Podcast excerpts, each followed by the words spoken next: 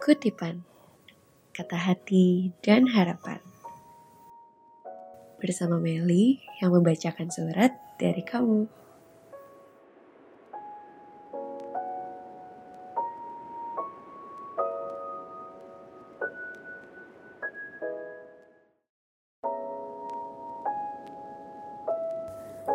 Kisahku ini jarang sekali kulihat di televisi. Sempat berpikir bahwa kisah ini jika dijadikan sebuah mahakarya film, mungkin akan laku karena dapat mengundang empati penonton. Aku adalah seorang anak tunggal dari seorang ibu yang sudah bercerai sejak aku berumur satu tahun. Ketika aku menceritakan ini kepada teman yang lain, hampir semua dari mereka berkata, Wah, maaf banget ya. Semoga kamu kuat dan gak sedih terus. Jujur, aku bingung. Mau berucap apa? Sedih. Aku bingung. Karena aku sendiri belum pernah bertemu ayah kandungku sendiri sejak aku lahir. Jadi, tidak pernah ada sosok pria dalam hidupku yang bisa aku rindukan kehadirannya. Hidup hanya ada aku dan ibuku. Hanya berdua, selalu hidup di atas atap yang sama. Kalau berkata soal iri, mungkin kata penasaran akan lebih tepat untuk mewakili penasaran karena bagaimana hidup dengan keluarga yang utuh. Dengan sosok ibu dan ayah yang selalu mendampingi. Jujur, awalnya aku kira menjadi seorang anak dari single parent tidak akan berpengaruh apa-apa terhadap mental dan tumbuh kembangku. Akan tetapi, aku sadar bahwa pada awalnya aku cenderung malu ketika berbicara atau berada di dekat dengan lawan jenis. Karena bingung harus berbuat atau berkata apa. Aku pun bingung ketika mendapat pujian atau afeksi dari lawan jenis. Karena selama ini aku lebih sering dikelilingi oleh perempuan. Tapi untungnya, semakin dewasa, aku semakin terbiasa dan dapat mengatasi hal itu untuk menjadi lebih percaya diri. Tetapi rasa rumpang itu kerap muncul seperti ada yang kurang dari hidupku. Rasa penasaran selalu mengiringiku akan siapa pasangan ibu yang sudah membolehkanku hadir di dunia ini. Tapi ibu masih enggan membahas kepada Rana tersebut. Mungkin aku harus lebih sabar dan sabar sampai ibu mau terbuka dan bercerita apa yang telah terjadi sehingga aku lebih paham dan bisa menyelesaikan puzzle yang rumpang dari hidupku ini. Surat yang barusan Meli bacain adalah surat dari Dira yang judulnya Rumpang. Kalau fanatik gak tahu atau sulit memproses, sebenarnya rumpang itu apa sih? Kalau kata KBBI sendiri bisa ditarik kesimpulan bahwa rumpang itu terdapat celah kosong dalam suatu bagian yang seharusnya penuh. Dan mungkin Judul itu yang bisa menggambarkan apa yang dirasakan saat ini oleh diri sebagai penulis surat. Seharusnya ada satu orang yang hadir di kehidupan Dira sejak awal. Tapi nyatanya sosok itu abu-abu.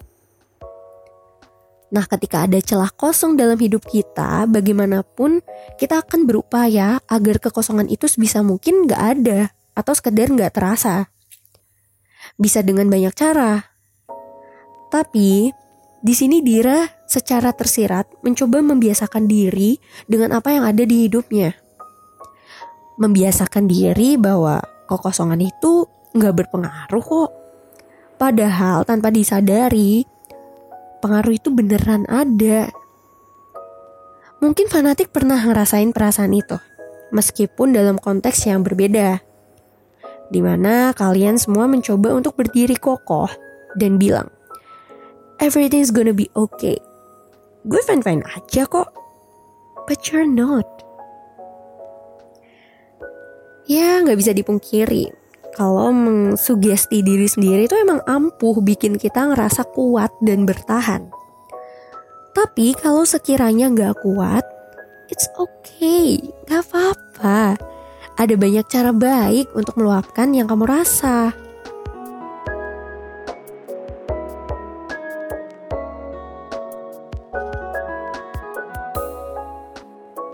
perasaan yang kosong, hampa, dan perasaan-perasaan rumpang lainnya kerap menghinggapi, bahkan mungkin di tengah keramaian sekalipun.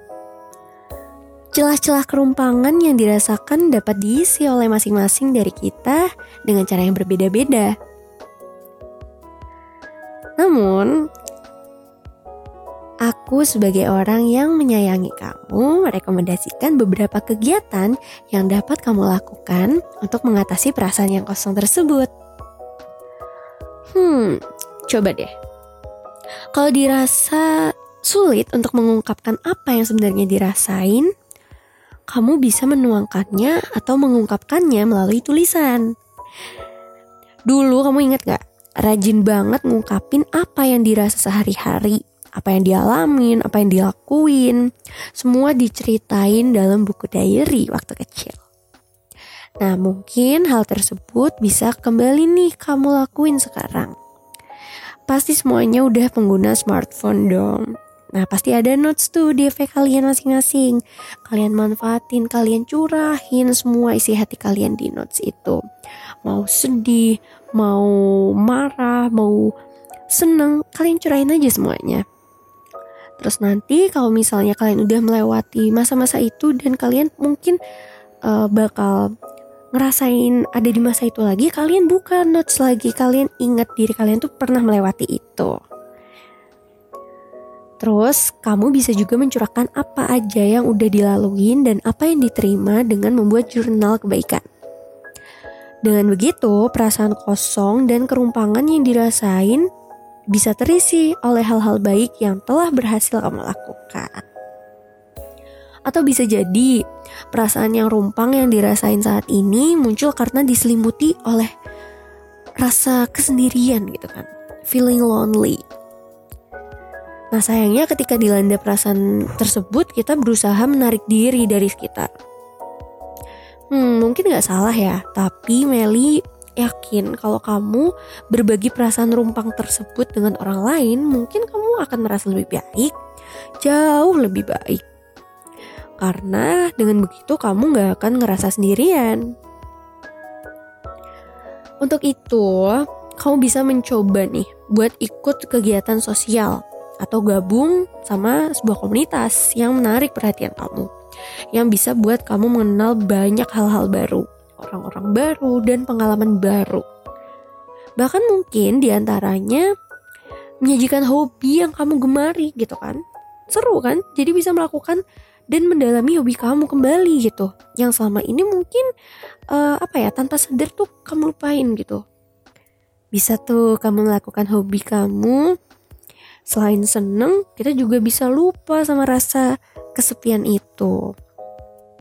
Atau uh, ketika semua cara itu udah dilakuin tapi kerumpanganmu ini nyatanya nggak kunjung reda nggak kunjung uh, memberikan ketenangan nggak apa-apa untuk mencoba meminta bantuan kepada pihak profesional kamu amat sangat mungkin dan sangat normal untuk mencari jawaban atas perasaan kosong yang dirasain kepada psikolog mereka akan lebih mengerti dan selalu mau untuk membantu perasaan tersebut.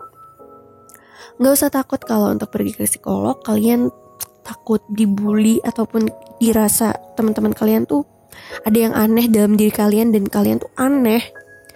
gak usah takut. Karena kesehatan mental kalian itu jauh lebih penting daripada omongan orang lain. Nah itu tadi surat dari fanatik yang berjudul Rumpang yang dikirimkan oleh Dira. Terima kasih ya Dira udah mau berbagi ceritanya kepada kami. Untuk fanatik yang mau ceritanya dibacain juga sama Meli, kalian bisa kirim aja ke tim podcast Fun Radio dengan mengklik link yang terdapat di highlight Instagram at funradio 1078. Terima kasih sudah mendengarkan. Sampai jumpa di episode selanjutnya.